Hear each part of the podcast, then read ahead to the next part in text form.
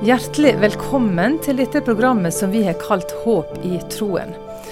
Å tro på Jesus er ikke noe quick fix, at livet blir enkelt og alt er bra. Vi har et håp som heter Jesus, men i livet så kan vi møte mange ting som er vanskelig. Og I denne serien så skal vi ta fram ulike ting vi kan møte i livet og trua, og så vil vi prøve å snakke sant om det. Hva er det Bibelen sier om dette? I kristen terminologi så har vi et ord som heter sjelesorg. Det er omsorg for sjela og hjelp til å holde fast på de sannhetene som Gud i Bibelen sier om meg og om oss. Dette vil vi snakke om i denne serien. Og jeg er så heldig at jeg har fått med meg to erfarne karer som jeg skal ha med meg og samtale om disse tinga, nemlig Kåre Eidsvåg og Jan Ove Selstø. Og i dag er det du, Jan Ove, som er med, og vi skal snakke om sorg og savn. Og aller først, hva er sorg, Jan Ove? Sorg er en normal reaksjon på tap. Og gjennom livet så, så har vi jo mange tapsopplevelser. Det, det, kan være tap av helse gjennom alvorlig sykdom, tap av venner. En kan bli arbeidsledig og få en sorgreaksjon.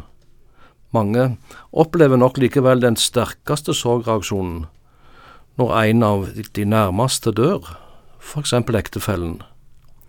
Sorgen er på mange måter kjærlighetens bakside, eller som en har sagt, kjærlighetens pris.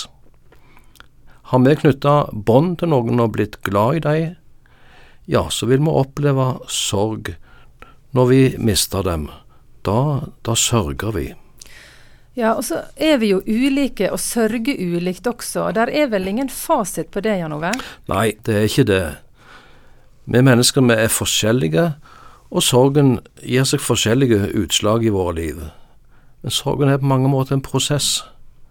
Og Da er det vanlig å tale om fire forskjellige faser i en sorgprosess. Ja, ta oss litt gjennom de fasene. Hva er de ulike? Ja, det starter gjerne med det vi kaller for sjokkfasen. En makter ikke ta inn over seg det som har skjedd. Det kan ikke være sant. Det oppleves så uvirkelig. En er rett og slett i sjokk.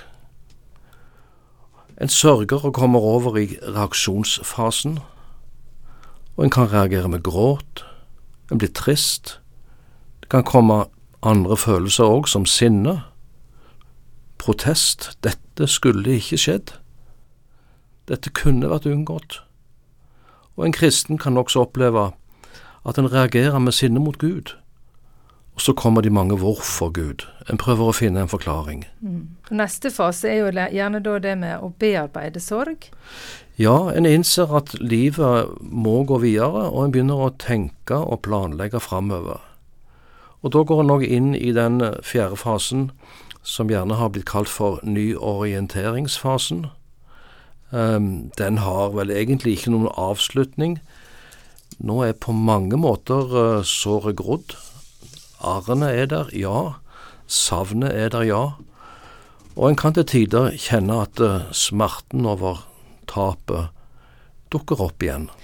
Ja, for disse fasene som du snakker om, de trenger vel heller ikke komme kronologisk? En kan gå litt uh, ut og inn av sorga?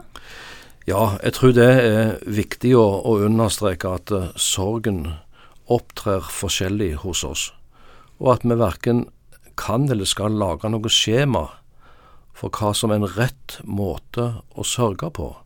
Sorgprosessen oppleves forskjellig. Nå har vi sagt litt om hva sorg er, og så ønsker vi veldig i dette programmet å ta opp disse temaene og faktisk si hva Bibelen sier om de forskjellige tingene. Og Jan Ove, du har sett litt på dette. Hva sier Bibelen om sorg, og til den som sørger? Ja, Kanskje vi først og fremst skal, skal si at Jesus opplevde også sorg. F.eks. i Getsemane så står det at Jesus kjente på sorg og angst over det som han nå gikk i møte mot sin egen død. Og så tar han med seg tre av disiplene og sier til dem, Min sjel er bedrøvet inntil døden. Bli her og våk med meg. Vær hos meg i min sorg. Nå trenger jeg noen som kan være med meg nå i sorgen. Det forteller meg at Jesus vet hva sorg er. Og så forteller det meg at Jesus kan forstå den som sørger. Han sørger med de sørgende. Det ser vi ved Lasarus sin grav. Maria gråt. De som kom for å sørge sammen med Maria og Martha, de gråt. Og så står det at Jesus gråt òg over sin venn Lasarus. Og så er det òg kårene mange måter for Jesu disipler. Vi opplever som Guds barn sorg. Nå har dere sorg i mange slags prøvelser, skriver Peter til sine lesere. Sorgen er på mange måter en del av kristenlivets kår. Men en kristen sørger ikke som de andre. De som ikke har håp, står det i første Tessalonika-brev kapittel fire. Som kristen så er vårt håp at en dag skal sorgen være borte for alltid, når Jesus kommer igjen i herlighet og skaper en ny himmel og en ny jord uten sorg, uten gråt, uten synd og uten sykdom. Mm. Der har vi håpet vårt. Du, Hvis noen lytter i dag sørger og har opplevd store tap i livet, hva skal de gjøre? Jeg tror det viktigste vi skal si til de som sørger, det er gå til Jesus med din sorg. Si det som det er. Slik som Martha. Hadde du vært her, Jesus, så hadde ikke min bror vært død. Hvorfor kom du ikke før? Kom til meg, sier Jesus, du som strever og tungt å bære. Det gjelder også sorgens tunge byrder. Og så kan det være godt å ha noen å snakke med, en som har tid til å lytte til deg. Tenk på om du har en slik i din nærhet, eller en du kan snakke med på telefonen, så du slipper å gå med alle de tunge tankene alene. Noen synes det er godt å være med i en sorggruppe når en sørger, og andre kan ha hjelp av å snakke med en sjelesørger.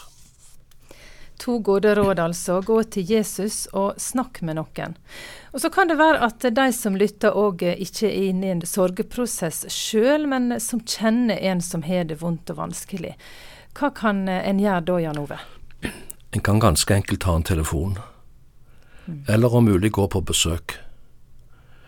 Ja, sier du, men jeg er så usikker på hva jeg skal si i en slik situasjon. Og da tenker jeg at det viktigste er å vise omsorg ved å ta kontakt, mm. og være villig til å lytte. Og så skal du ikke nødvendigvis si så mye, men gi nærhet, vise medfølelse og forståelse. Og legg det seg til rette, så kan du lese et bibelord til trøst og be en bønn eh, for den som sørger. Mm.